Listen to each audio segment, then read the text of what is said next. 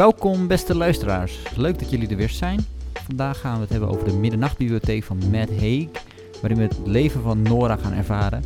Of nou eigenlijk moet ik zeggen, de verschillende levens van Nora. Heel veel luisterplezier. Hallo lieve allemaal, wat gezellig dat jullie luisteren. Heel hartelijk welkom. En we hopen natuurlijk dat jullie allemaal een heel fijn, gezond begin hebben gehad van het nieuwe jaar. En wij zitten hier weer met de eerste aflevering van 2022. Ja, helemaal het nieuwe jaar hè. Hartstikke leuk. We Hele- gaan natuurlijk weer lekker door. Ja, we gaan weer lekker door in het nieuwe jaar. Het is nu het derde jaar op rij dat we bezig zijn hè. Ja, we zijn in 2020 begonnen natuurlijk. Ja. Dus dat is wel grappig. Straks bestaan we gewoon twee jaar. Nou, wat dus leuk. eh, voor alle luisteraars die al eh, drie jaar meedoen, wel eh, leuk dat jullie er nog steeds zijn. En, Ja. er zijn ook wel een flink aantal nieuwe luisteraars bijgekomen, dus dat is wel welkom. En jullie hebben nog genoeg te luisteren, denk ik dan. Ja, en jullie boekentips vinden we ook altijd superleuk. Want zo zijn we op heel veel mooie nieuwe verhalen ook gekomen. Zo ook het boek van vandaag. Maar daar gaan we zo even verder over vertellen. Want wil jij nog even vertellen wat voor... Ja. Nou ja, wat is het voor thee? Is het iets het, is, eh, eh, gro- opvallends? het is hele groovy thee, althans dat staat er in ieder geval op. Groovy Eh, thee. Groovy ginger hemp. Hemp, hemp. Iets in die richting, hennep. Hennep hennep staat thee, er dat klinkt wel in. een beetje funky. Klinkt een beetje groovy, klinkt een beetje funky. Maar er zit, er zit in principe geen THC in, zover ik weet. Ehm, dus eh, dat is heel veel niet onze intentie. Het is gewoon cafeïnevrij. Het is gewoon lekker, eh, lekker, lekker theetje. Gewoon een kruidentheetje ja, er, zit eigenlijk. heel, er zit eigenlijk best wel heftige citroen- en gembersmaak aan. Dus dat is eigenlijk een beetje eh, het, het voornamelijk het belangrijkste. Er zit zelfs een beetje kamille in. Het is gewoon een hele lekker relaxed Het thee. klinkt nu eigenlijk alsof we altijd hele gekke thee drinken. Maar wij drinken ook gewoon heel vaak gewoon normale thee of weet ik veel Mm, wat. Ja, dat valt op zich wel mee, denk ik eigenlijk. Toch? Toch? We drinken best wel... Nou, in Ja, eens- adventkalender zat best wel veel zwarte thee. Gewoon black tea of English breakfast of zo. Of Ja, oké. Dat vind, Ja. vind ik op zich wel lekker. We hebben genoeg variatie van, van de thee gehad met alle adventkalender Ja, we hadden dus gewoon twee adventkalenders uiteindelijk. Want ik had er dus een van jou gekregen en toen ook nog van eh, Sinterklaas volgens mij. Dus dat was eh, ja, echt een maand vol thee inderdaad. Precies. Nu is hij helaas op. We zijn er wel doorheen gegaan, dus dat wijst wel weer hoeveel thee wij drinken. Toch? Ja. Maar we drinken ook gewoon koffie nu. Lijkt net alsof we alleen thee... Maar we zijn eigenlijk koffie en thee leuten. Ja. Maar ja, wel leuk. En, eh, Hopelijk zitten jullie ook lekker aan een warm kopje thee of iets anders lekkers. En waar ik nog even benieuwd naar ben, omdat ik dit nieuwe jaar dus ben begonnen met twee keer tiramisu maken. Eén keer samen met een vriendin en toen wilde ik het nog een keer doen. Ehm, was hij een beetje gelukt? Ja, ik vond hem heel erg lekker. Zeker, ja, de eerste keer was hij ook heel goed gelukt. Alleen het recept had eigenlijk iets te weinig koffie volgens mij. Dus de tweede keer was hij... Toen zei die vriendin iets- nog met wie ik het maakte van, nou, we hebben echt even nog een extra espressootje nodig. Ja, en de tweede keer was hij nog, eh, nog wat, wat natter, zeg maar. Dus dat was echt, eh, echt top. Alsof ik in Italië zat. Zo, nou, dat is een heel groot compliment, maar goed. Ja. Eh, maar in elk geval, we zijn even benieuwd, wat is jouw favoriete baksel of dessert of Italiaanse dessert? Want je hebt nogal heel veel varianten, ook op tiramisu. Limoncello tiramisu of iets anders. Ja, met Eh, aardbeien of zo. Ja, Aardbei lijkt me ook leuk om een keer te maken. Dan is hij lekker zo fris. Dus nou ja. Liever in de zomer misschien. Ja. Ja, inderdaad, meer in de zomer. Dus nou ja, zo zijn wij dus even het nieuwe jaar een beetje begonnen met lekker dingen ook nog bakken. Dat was ook even mijn stille voornemen zelf iets meer bakken. Want meestal laat ik jou in de keuken. Meestal ben ik Staan, de koekjes en maar- de cakejes aan het maken. Maar eh, ja, Dus laat het vooral even weten. En vandaag hebben wij een nieuw boek voor jullie. En wat wij net al zeiden, we krijgen vaak leuke tips. En nu kreeg ik een tip van een collegaatje die zelf ook echt verzot is op heel veel boeken lezen. Eh, nou, die heeft volgens mij nog veel meer gelezen dan wij. Ja ook heel die, veel die leest echt helemaal veel boeken, hè, begreep ik. Ja, Dat zij las het ook volgens mij op afspeelsnelheid gewoon twee of zo, keer twee. Dat je best wel snel door een boek heen eh, gaat. Ja, dat is wel een Ehm, uitdaging met zo'n hoog tempo. Maar oké. Dus dat vond ik wel, dat is altijd leuk dat je iemand dan ontdekt dat je denkt, hé, hey, dat boek heb ik gelezen en dat je daar zo over gaat praten. Ja. En zij gaf dus ons als tip Middernachtbibliotheek van Matt Haig. Ja. En die zijn we eigenlijk gelijk gaan lezen of luisteren. En ehm, wel, dat is ook wel eh, een vrij nieuw boek ook, hè? wel, ja, zeker. althans, geval in, in het Nederlands vertaald dit jaar. Vorig jaar uitgekomen in, jaar, eh, in Engeland. Ja, precies. Wereldwijd, in, maar heel veel in het Engels. En ik vind het wel grappig dat we door dit boek dan met Heek hebben ontdekt. Want hij heeft al blijkbaar heel veel boeken al geschreven. 28 boeken, hij is al best wel wat jaren bezig. Maar ook allemaal verschillende ja, genres zou ik bijna willen zeggen. Want hij schijnt dus begonnen te zijn met marketingboeken. Het grappige is wel, hij zei in een interview dat hij zei van... nou, die, die zou ik niet gaan lezen. Want hij zegt dus dat hij heel veel positieve reacties krijgt op Middernachtbibliotheek. Dus dat mensen heel benieuwd zijn naar al zijn boeken. En hij zegt, lees niet al mijn boeken, want dit, nee, dit is gewoon... Die eerste, die eerste Daar is hij niet zo blij niet, mee. eh, Maar daardoor is hij wel... eh, ja, maar hij is oorspronkelijk ook een beetje journalist en zo geweest. Ja, hij is doet- doet- journalist doet dus ook. Hij doet dus ook non-fictie dingen inderdaad. Dit is natuurlijk, Ja. dit is natuurlijk fictie. nou, Ehm, en het grappige is, hij heeft dus ook songteksten geschreven en dat soort dingen. Maar hij heeft zelfs kinderboeken geschreven ook nog, best wel veel. Eh, en wij zagen dat er eentje van was verfilmd dit jaar ook. Op Netflix kun je die zien als het goed is. A Boy Called Christmas. Ja. Dus dat vind ik zelf eigenlijk wel een goed excuus om toch nog in januari even een kerstfilm te kijken. Want de trailer zag er wel heel eh, ja, wel, eh, leuk en hartverwarmend uit. Ja, en dit is dus de meest recentelijke boek, hè? Dus de, de Middernachtbibliotheek. Ja, klopt. En ehm, hi- hiervoor is hij best wel ook bekend geworden met een wat autobiografischer boek. Reasons to Stay Alive. En daarin vertelt hij, eh, we hebben dat zelf niet gelezen, maar vertelt hij best wel uitgebreid over zijn ervaringen en zijn leven. En dat hij dus zelf ook kampt of heeft gekampt met eh, depressieve gevoelens. En dat is ook wel een thema wat heel erg eh, de hoofdrol speelt in dit boek. En dit boek is wel fictie, maar hij heeft deels wel zijn eigen ervaringen gebruikt voor dit verhaal. Ja, ik denk heel erg zijn eigen ehm, gevoelens heel erg inderdaad ehm, in een soort van fictiewereld eh, laten plaatsvinden. Hè? Dus heel erg ja, hoe hij zich voelt eigenlijk. Ja, en jij stuurde mij een interview door. Dat vond ik wel interessant. Hij had eerst eh, het hoofdpersoon, eh, de hoofdpersoon van het boek, was een man oorspronkelijk toen hij begon met schrijven. Maar dat vond hij zo lastig omdat hij zichzelf dan eigenlijk toch weer helemaal aan het afspiegelen was. En dat vond hij dan toch te confronterend. En daarom heeft hij ook van de hoofdpersoon een vrouw gemaakt. Dat hij toch net iets meer afstand had. Eh, Nora, het is ook niet vanuit de ik-persoon geschreven. Hè? Het is meer gewoon, ja, hoe zeg Het je is dat? ver- persoon. vertellend, hè? Ja, Ja, derde vertellend. Ja. Eh, dus Nora Seed is de, is de hoofdpersoon. Ehm, ja, zullen we even kort samenvatten waar het een beetje Of, ja, ja, waar het heel veel begint in ieder geval anders. Hè? Want het, het- waar, waar, eh, zoals je al zegt, we hebben natuurlijk Nora. En Nora die is eigenlijk een beetje met de schrijver, zit die niet zo heel lekker in de vel. En ehm, ja, dat is eigenlijk een beetje waar het boek begint eigenlijk. Zij Ja, werkt, klopt. klopt. Ze werkt dan in een, eh, in een muziekwinkel, genaamd String Theory. Komen we straks misschien nog eventjes op terug. En ehm, ja, ze denkt dan op een gegeven moment van, ja, waar gaat het nou allemaal een beetje heen? Het leven loopt eigenlijk niet zoals het, wil, eh, zoals het zou willen. Veel Ehm, dingen zitten ook tegen Veel achter elkaar. zaken zitten tegen. Eh, ze zitten ook zichzelf op de kop daarover. Eh, maar ook andere mensen zitten, ja, zijn niet helemaal happy met haar. Als ze te laat ergens aankomt om muziekles te geven en dat soort dingen. En dan eigenlijk... ehm, Het grappige is trouwens wel, het verhaal begint in de bibliotheek ook. Met Ja. mevrouw Elm, dat is ook wel een belangrijk karakter. precies. En dat is, eh, alle hoofdstukken, dat vind ik ook wel grappig, die hebben allemaal een naam. Dus het is niet hoofdstuk 1, 2, 3, maar ze hebben allemaal gewoon een naam eh, van het hoofdstuk waar het, waar het over gaat. Ja. En het begint ook volgens mij met best wel eigenlijk heftig. 19 jaar voordat ze besloten een einde aan haar leven te maken. Dat is letterlijk volgens mij het eerste hoofdstuk. Ehm, dus, dus dan, ja, dan leer je haar kennen en leer je dus ook haar depressieve gedachten en gevoelens eh, kennen. En inderdaad, dat is dus in, eh, waar ze dus eh, mee speelt eigenlijk de hele tijd. Waar ze, ja, dus al die struggles waar ze mee zit. Ehm, en dat zien we dan eigenlijk ja, in die 19 jaar waar je het al over hebt.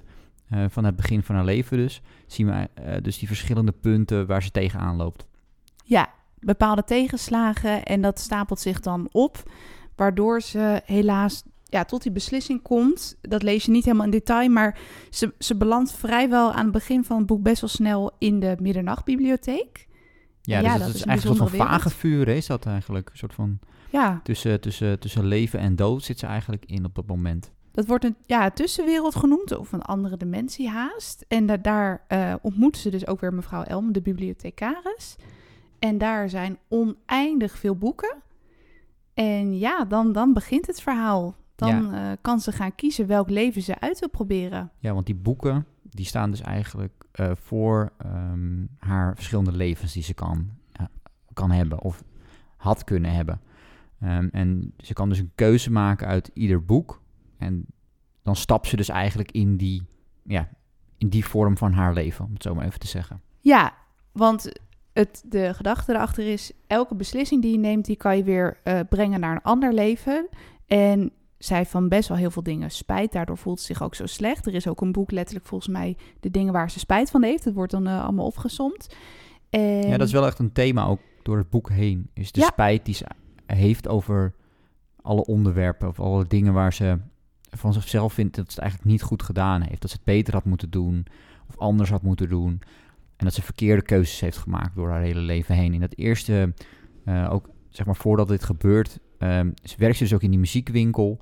Eh, daarvoor heeft ze in een band gezeten. Daar is ze dan uitgestapt met haar broer. En ja, daar oh heeft ze ja, ook daar heel veel ook spijt van. daar heeft ze heel veel spijt van eigenlijk. Dus ze heeft heel veel onderdelen in haar leven waar ze keuzes heeft gemaakt, waar ze heel veel spijt van heeft. En uiteindelijk, eigenlijk al die, die, die spijt, die, die, die wordt haar te zwaar. Die verlamt haar bijna. Die verlamt haar. En dat zorgt uiteindelijk voor dat ze die keuze maakt om uit het leven te stappen, om het zo maar te zeggen.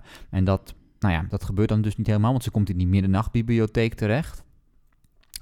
Uh, en dat maakt ook wel, dat vond ik wel um, niet per se een probleem met het boek, maar is wel een soort van disclaimer eventueel als je het boek gaat lezen.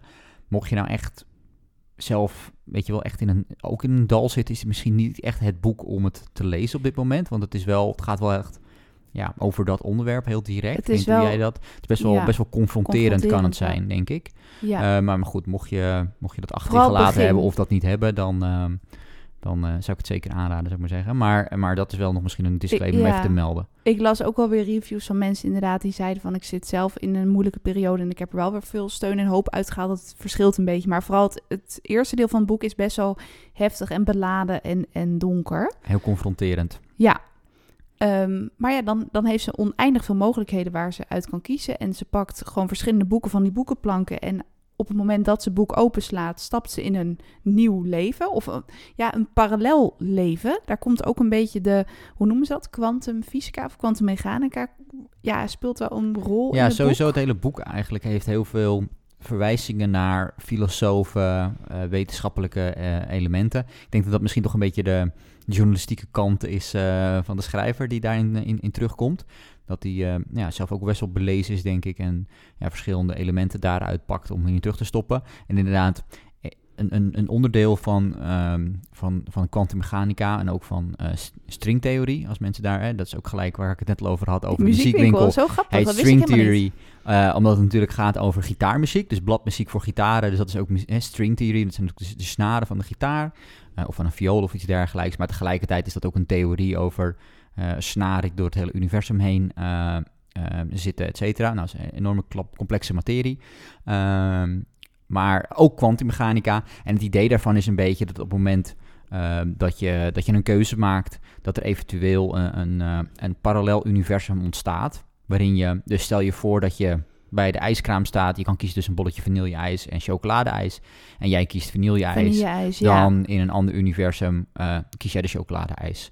En dat is eigenlijk een beetje hoe uh, de setup is hiervoor. Dus um, eigenlijk moet je het zo zien dat ze nu continu keuzes maakt van... oké, okay, in, de, in dit leven uh, word ik muzikant. In dit leven, want ze kan bijvoorbeeld ook heel goed zwemmen.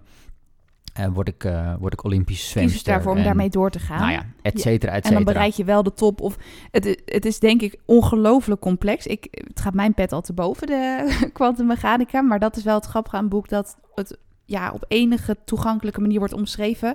Waardoor je daar wel kennis mee maakt. En wat ook wel het verhaal origineel maakt. Ja. Um, het en is wel het zo aan denken ook wel. Ja, maar het is wel zo natuurlijk, want ik, ik, ik skip er nu even een beetje kort overheen. Dat is ook wel een beetje wat het boek doet. Dus hij haalt die elementen eruit voor de mensen die erin geïnteresseerd zijn of er een beetje wat van af weten. Is het misschien een leuke, leuke toevoeging. Maar het is niet, zeker niet cruciaal dat je die concepten begrijpt om het boek te kunnen ervaren of te begrijpen of wat dan ook, denk ik. Het ik is ook wel belangrijk om te zeggen. Nee, inderdaad. Het is ook wel fascinerend om erbij stil te staan dat, dat je zelf gewoon zoveel keuzemogelijkheden hebt. En dat dat dus ook best wel kan samenhangen met spijt. Van, oh, had ik maar die opleiding afgemaakt of had ik maar wel doorgegaan met die band in het geval van Nora. Ja, je hebt zoveel keuzes en dat hangt daar dus best wel mee samen. Maar goed, het, het verhaal is dus best wel ook wel origineel in de zin van dat je dus allemaal verschillende omgevingen leert kennen. En op allerlei verschillende manieren Nora leert kennen in verschillende ja, en eigenlijk ook verschillende Nora's, hè? Ja, zeker. Dus we, leren, we leren haar kennen op uh, verschillende manieren. Uh, maar eigenlijk ook, ja, het zijn bijna verschillende Nora's. En dat is, dat is wel iets waar de, waar de schrijver een beetje mee speelt, hè? Is van, hey, zijn dit nou echt verschillende Nora's? Of is dit, zijn het nou gewoon eigenlijk dezelfde Nora's die gewoon andere keuzes hebben gemaakt? En ik denk dat dat ja, het interessante is en ook een beetje het hoopgevende of, of wat, waarom mensen dit boek denk ik ook heel erg bijblijft, is uiteindelijk wat je zegt. Uh, ik heb niet gekozen voor de, ik heb gekozen voor de vanille-ijs. Heb ik dan, en ben ik dan heel blij met mijn bolletje vanille-ijs? Of heb ik mijn hele leven lang spijt dat ik geen chocolade-ijs heb gekozen? Om het even heel, heel simpel te, simpel te maken. ja, precies. Want je, je leert daar bijvoorbeeld kennen dat ze uh, voor heeft gekozen om wel bij haar huidige ex te blijven. Dus dat ze wel met hem verder is gegaan. En dan zie je hoe haar leven zich dan heeft voltrokken. Maar ook hoe zij wel eens verder gaan trainen met, met zwemmen. Of hoe zij gletsjeronderzoeker is geworden, wat ze ook wilde. Ze had wel heel veel ambities trouwens, hè? Zwemmen, gletsjeronderzoek. en zo was ik overal goed in, dus dat is ook... Uh, filosoof. Ze was hyper intelligent voor mijn gevoel ook. Ja, het is wel, want inderdaad filosoof, olympisch zwemster, gletsjeronderzoeker. Heel muzikaal. Eh, een- een- de meest populaire popster van de wereld. Ehm, Heeft ze nog, allemaal gehad. Nog allemaal een beleefd? aantal andere dingen. Ik moet wel zeggen dat tegen het einde van het boek ook iemand, een, een ander karakter ook tegen haar zegt van... eh, ik was altijd zo jaloers op je, want het leek wel alsof alles wat jij probeerde, dat het lukte. Dat was ook wel Haar een... broer toch denk ik, ja. ja. Dat is wel een beetje een knipoog, denk ik, ook een beetje naar het boek zelf. Ehm, maar goed, ehm, ah goed, als je, als je ook oneindig hoeveelheid levens hebt natuurlijk. eh, voor de mensen die bijvoorbeeld ook de film Groundhog Day hebben gekeken, waarin een man de hele tijd dezelfde dag eh, ervaart, dan kun je natuurlijk ook heel veel leren. Dus dat is misschien ook al wel iets eh, wat meespeelt daarin. Waar ik nu wel aan moet denken is dat dit boek is blijkbaar dus ook... Hier is een hoorspel van gemaakt. Dus tien afleveringen zijn hiervan gemaakt. Lijkt me ook wel heel grappig om dat te horen. Want je hoort al die unieke situaties. Dus dat lijkt me wel... Dat leent zich denk ik wel goed voor een hoorspel. Ah, oké. Wel Ah. grappig. Op de BBC-radio was dat. Oké, nou moeten we kijken of dat Dus nog ergens kunnen Of dat nog erg kunnen opduikelen. Maar ja, wat, wat vond jij van al die verhalen... en hoe zij dan heen en weer sprong tussen die levens? Ja, het was, het was wel. Ik moet zeggen dat het boek. Ik, eh, voordat we begonnen aan het boek. eh, voordat ik begon aan het boek, maar voordat we allebei begonnen aan het boek. Ik, ik had niet echt een goed beeld erbij. Wat, wat voor boek het was. En ik merkte dat het eigenlijk na. ehm, dat ze in die mi- middernachtbibliotheek terechtkomt. dat het opeens best wel een switch is. Eventjes van.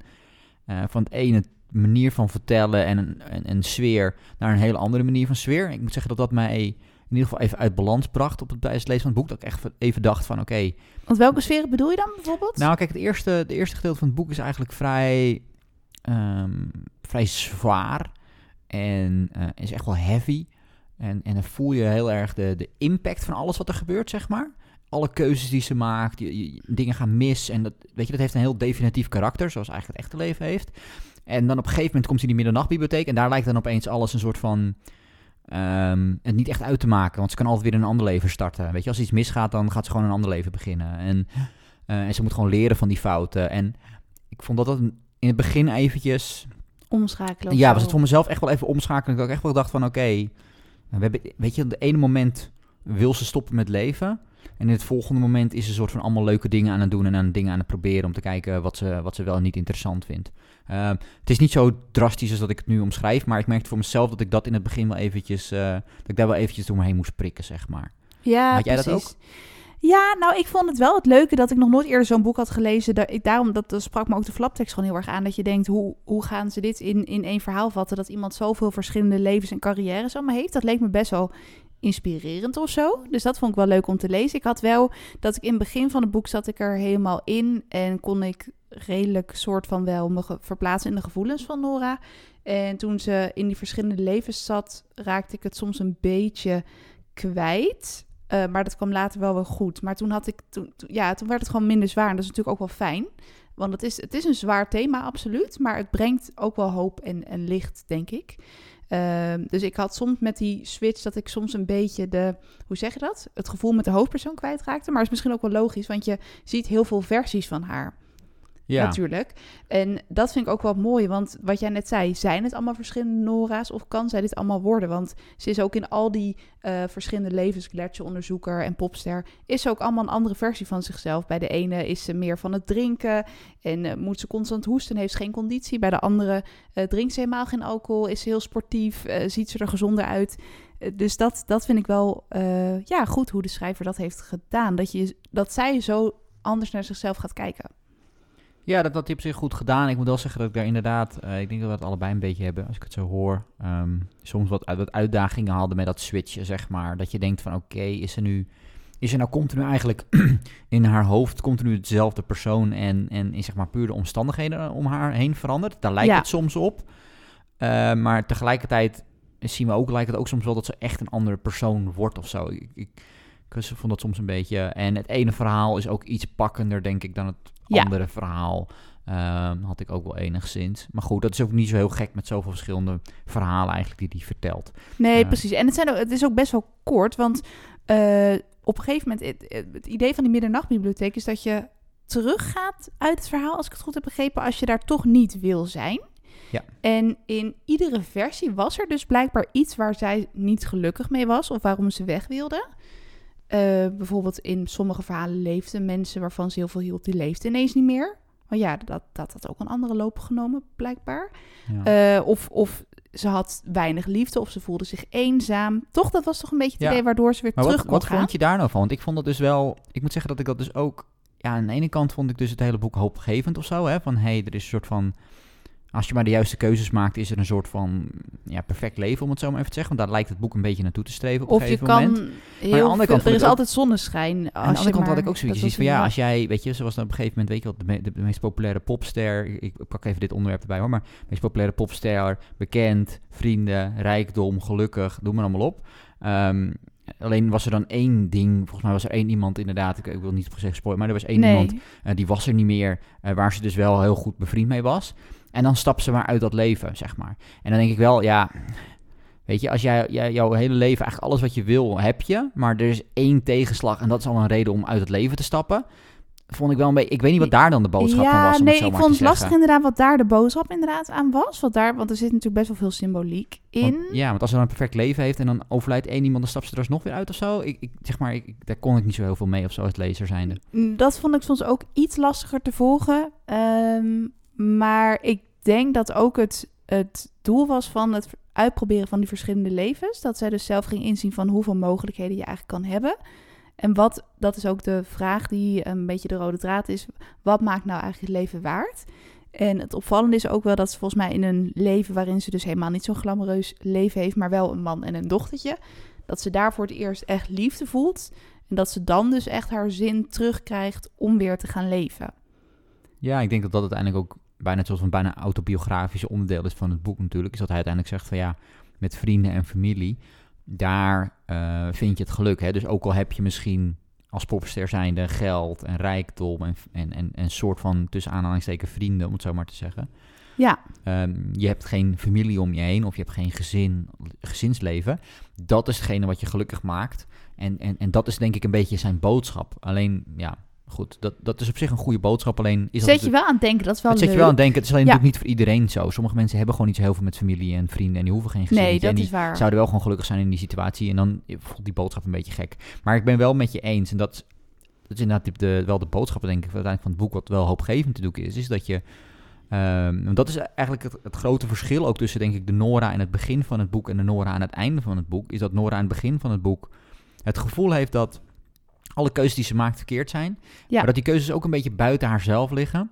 Dat ze er weinig invloed op heeft. eh, dat het eenmaal zo gebeurt. En dat ze eigenlijk niet haar leven eh, een- kan omdraaien. Nou, ze heeft ook, ja, inderdaad. En ze heeft inderdaad gevoel dat ze eigenlijk niemand meer wat te bieden heeft. Nee, en daarmee, daardoor verliest ze hoop. En de Nora aan het einde van het boek, of in ieder geval wat, wat dan een beetje ontwikkelt. En dat is natuurlijk ook uiteindelijk de boodschap, denk ik, waar je het net al over had. Dat, hè, dat je ergens had gelezen dat iemand juist die in een depressie of wat dan ook zit, zegt van ja, het geeft me juist hoop. Is dat ja, door, door misschien al een paar kleine eh, veranderingen, andere keuzes te maken, eh, kan je leven verbeteren. En als je die keuzes blijft maken, in dit geval is het natuurlijk in een fictieve midnachtbibliotheek en heb je hele andere levens, maar door een aantal kleine veranderingen te doen, ja, kan je leven al veel meer, eh, veel meer voldoening geven dan dat het daarvoor misschien deed. Ja, en, en wat ik inderdaad er mooi aan vond, is dat zij dus ook bepaalde keuzes dus niet had gemaakt, maar dat ze dus zag wat haar huidige leven, dus het leven voor die middernachtbibliotheek, wat zij eerst dus waardeloos vond.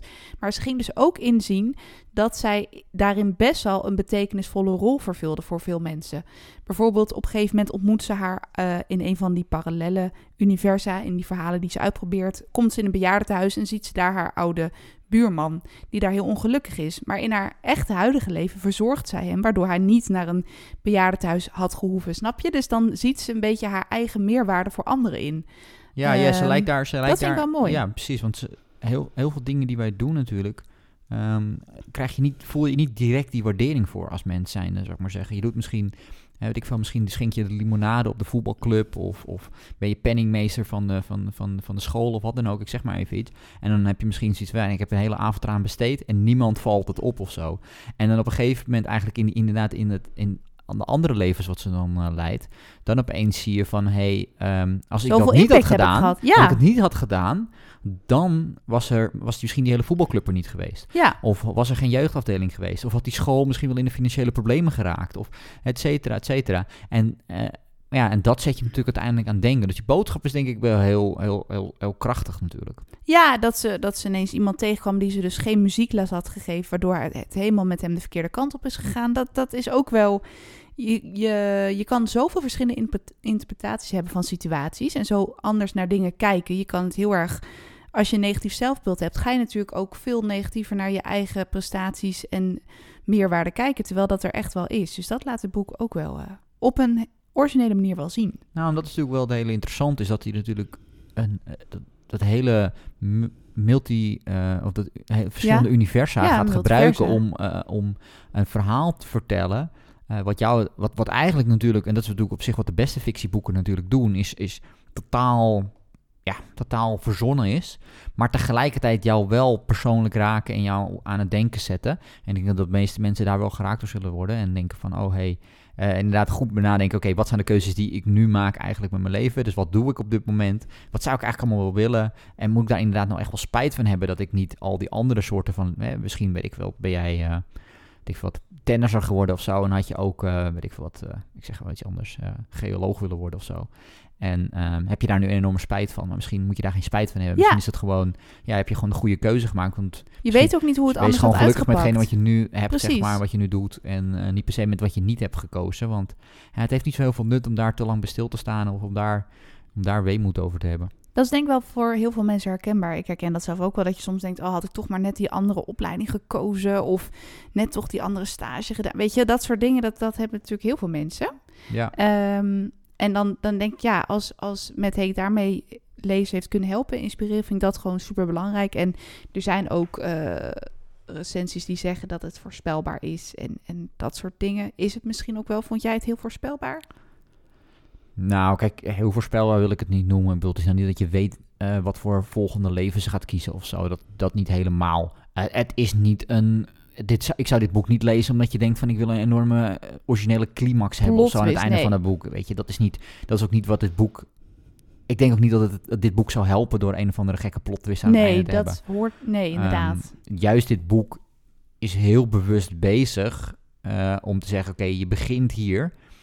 En we gaan gewoon puntje voor puntje voor puntje gaan we eigenlijk Nora een beetje anders laten denken. Bijna zoals je normaal gesproken misschien een, een, een psychotherapie of zo zou krijgen. Gewoon kleine gedragsveranderingetjes. Weet je wel? hey, eh, als je wakker wordt, ga je niet gelijk een biertje drinken. Je, weet je, wel, je drinkt een kopje, kopje thee, ja, bijvoorbeeld. zoals wij. En eh, in plaats van dat je niet sport, ga je twee keer per week sporten. En allemaal van die kleine veranderingetjes, die zorgen uiteindelijk voor dat je, dat je, dat je een andere mindset krijgt en dat je uiteindelijk een ander leven krijgt. Dan zou het een beetje gek zijn als ze opeens in het laatste hoofdstuk opeens doen, weet je wel, van oh, en toen stapte ze in een raket en vloog ze naar Mars. Weet je, dat, ik, ik denk niet dat dat iets toevoegt aan dit boek. Nee, trouwens, dat vond ik wel een mooie ehm, ehm, zeg maar, ontwikkeling van haar. Dat in het begin van het boek, in haar huidige leven, voordat ze in die bibliotheek is geweest, eh, ziet ze de irissen, de bloemen van haar buurman. En denkt ze, nou, ik snap niet dat iemand hier vrolijk voor worden, kan worden van die lelijke bloemen. Zo deprimerend. En op het einde komt ze, nou ja, ik zal niet te veel verklappen, maar ziet ze die bloemen weer. En dan wordt ze dus helemaal weer vrolijk van de bloemen en vindt ze ze betoverend mooi. Weet je, dat je kijk is, kan gewoon heel erg veranderen op totaal dezelfde situatie. Dat is Ja, wel en ik denk- interessant. En daarom is het ook zo belangrijk, denk ik, waar we het- net ook al even hadden. Zijn het nou verschillende Nora of niet? eh, Nora's of niet? Eh, maar ik denk dat het belangrijk punt eigenlijk dat, het- dat wat de schrijver wil in ieder geval is dat het één Nora is. Die continu een beetje verandert. Inderdaad, de Nora aan het begin is een totaal andere Nora's aan het einde. En dat is denk ik ook de boodschap aan de lezer en waarschijnlijk ook aan zichzelf. Van hey, weet wel, eh, je kan niet een andere Nora worden. Je kan niet een andere ik worden. Eh, maar je kan wel die ik die je bent, kan je wel veranderen voor de, en, en beter worden eigenlijk. Je hebt zoveel opties, een ja. hoopgevende, eh, hoopgevend bericht. En, en ja, dat is denk ik wel een beetje de boodschap. Je, vond je de schrijfstijl verder nog... ehm, ja, had je daar... eh, Vond je Ja, dat oké? of, Op zich vond ik dat wel fijn. Het las wel gemakkelijk. Eh, soms kwamen er dan af en toe wat eh, passages over inderdaad filosofisch nadenken. Of eh, kwam er weer een songtekst tussendoor. Dat vond ik wel grappig, want die schrijver heeft zelf dan ook songteksten gemaakt. Ja, dus dat was wel een interessante Mac komt volgens mij op een gegeven moment langs. Ja. En, eh, En Plato als, als filosoof komt Ja, opeens langs. ook als dus, in eh, de vorm van een hond. En eh, dat, het is wel origineel. Ik vond dus het er wel... zitten wel wat verwijzingjes in. Ja. ik heb ze niet allemaal wel bijgehouden, maar... En de dialogen vond ik ook wel... eh, ja, op zich wel dat je denkt, zo kan een dialoog wel echt gaan. Ja, het voelt, ik op zich wel. Het voelt vrij natuurlijk aan. Het is niet heel over de top of zo. Ehm, Niet te lange hoofdstukken. Dat maakt het ook wel een beetje dynamisch of zo. Dat je gewoon... eh, het is niet langdradig. Absoluut zeker niet. niet. Eigenlijk iedere keer als je denkt van een leven van... oh ja, nu, nu heb ik het wel een beetje gezien... ehm, gaat het ook over naar, naar, eigenlijk naar een nieuw leven. En Dus deels dat, eh, beschrijft hij wel de omgeving, hoe alles eruit ziet. Maar sommige schrijvers houden echt van heel veel details. Dat is in dit boek niet echt. eh, daar draait het misschien ook niet zo om. Nee, Maar, ik denk ehm, dat het lastig wordt om al die details te beschrijven... als je natuurlijk iedere keer een hele andere omgeving... want weet je, het eerste moment zit ze... het ene moment zit ze in een band... en het andere moment zit ze op een gletsjer ergens. Als je Nou, natuurlijk alle ja. details gaat omschrijven... dan wordt het wel een heel lang boek, denk ik. Maar, Het grappige vind ik wel, want zij stapt natuurlijk in verschillende levens. Maar zij weet dan helemaal niet in wat voor leven ze zich bevindt en met welke mensen. Dus dat zorgt af en toe wel voor ongemakkelijke situaties. wel vrij komisch, ja. Dat zij bijvoorbeeld een gletsjeronderzoeker is ineens. Maar ja, zij is dat niet echt. Ze weet dus- helemaal niks van gletsjers af. En dan valt ze best wel in sommige situaties best wel dan ludiek een beetje door de mand. Dat je denkt, dat, dat vond ik wel, eh, dat houdt wel een beetje spannend of zo. Dat je denkt, hoe gaat ze zich hier nou weer uitredden? Of dat ze een interview moet geven over een band eh, waarvan ze niet weet hoe dat ermee staat, weet je wel? Dat vond Ja, ik wel grappig. Klopt, maar zelfs daar zie je dat er ook weer een boodschap in zit... dat mensen ja, eigenlijk niet zo kritisch op je zijn... als dat je misschien eh, voor jezelf bent. Heel veel mensen eigenlijk om erheen hebben niet eens door... dat er iets aan de hand is. Of die hebben gewoon zoiets van... oh, eh, weet je, misschien heeft ze gewoon slecht geslapen of zo... dat ze het even niet meer onthoudt of zo, weet je wel, dat dan ook. Heb je, heel- ja, precies, dat kan. Dus, eh, dus dat is ook best wel grappig om, eh, om te lezen. Dat vond ik eigenlijk best wel Ja. komisch inderdaad. Want er zit, ook, weer- er zit namelijk ook best wel wat humor in. Eh, zeker Toch dus best in het, eh, humor, ja. Zeker in het de begin eh, gedeelte dus wat minder. Wat, dat is een bewuste keuze. Maar later zit er ook inderdaad wel wat, wat, wat humor in. En eh, wordt het een wat optimistischer boek. ja, zeker. Nou, dat Nou, was een beetje onze... Zo wel kijken we een erop beetje- terug. Ja, dus is, zei, jij, eh, we hebben natuurlijk al een beetje gezegd van misschien voor een bepaalde categorie mensen is het misschien niet helemaal handig om het op, in eerste instantie te lezen. Misschien in een iets latere of een andere fase van je leven, zou ik maar zeggen. Als je Maar misschien heel zeggen, je vel dat het wel heel heftig is. Ja, maar, misschien... ik in alle andere ja. gevallen is het wel een aanrader, denk ik. Ik vind, het wel, ik vind het wel een aanrader. Ja, ik zou het wel veel vrienden van mij ook aanraden. En eh, ja, best wel leerzaam en inspirerend kan het denk ik zijn. En ehm, ja, het heeft jou dus ook wel geraakt, hè? Of niet? Eh, nou, ik- moet zeggen, geraakt weet ik niet, maar wel tot aan het denken gezet. Ik vind die twee dingen wel, eh, wel- zeg maar, het is niet per se dat ik soort van dacht van, oh, dit, is- weet je, dit, doet- dit doet me echt, zeg maar, eh, pulling my heartstrings of zo. Maar, maar wel dat je denkt van inderdaad van, oké, ja, je gaat ook over je eigen leven of, of dat soort dingen, of over andere mensen nadenken, wat dan ook van, hé, hoe had het kunnen zijn, of dit en dat. Dus Ja. dat, dat zeker wel. Nou, mooi. Ehm, en, bij jou ook, eh zet jouw gedachte, heeft het jou wel echt ook gewoon geraakt, zeg maar, ook emotioneel? Ehm, ja, ik, ik, heb, ik zat daarover na te denken. Wat maakt nou dat, dat je emotioneel wordt van een boek of niet? Is dat nou dat je in dingen herkent? Maar dat is ook niet altijd. Want ik heb ook vaak genoeg verhalen die ik lees dat ik denk... nee, di- dit heb ik zelf nog meegemaakt, maar toch word ik wel emotioneel. Ik had het met dit boek niet per se. Maar het, het zal me echt wel bijblijven. Dat zeker weten. En ik eh, ga ook wel nadenken over keuzes. Dat ik denk, oh, daar heb ik soms spijt van. Maar daar kan ik gewoon misschien een beetje op eh, relativeren. Ja, dus de volgende keer als we een aflevering opnemen en we gaan een kopje thee kiezen, dan gaan we dus denken van gaan we, gaan we wat voor thee gaan we drinken en dan ontstaan er allemaal andere universa die Ja, dan precies. waar we andere thee hadden gedronken. Net als met de tiramisu. Ga je voor limoncello tiramisu? of ga je voor... Ja, En dan eh, gaan we een boek schrijven over het limoncello tiramisu paradijs, paradijs, universum. universum. nou, Nou. mooi is. Ja, nou dankjewel voor het bespreken. Leuk. Wij gaan weer Graag even gedaan. eh, weer lekker verder. Jullie dankjewel ook voor het luisteren. We zijn ook heel benieuwd of jij dit boek al hebt gelezen. En of jij ook zin hebt om het nu te lezen. En wat jij ervan vindt. En wij zijn weer terug over twee weekjes met een nieuw boek. Tot heel snel weer. Dank jullie wel.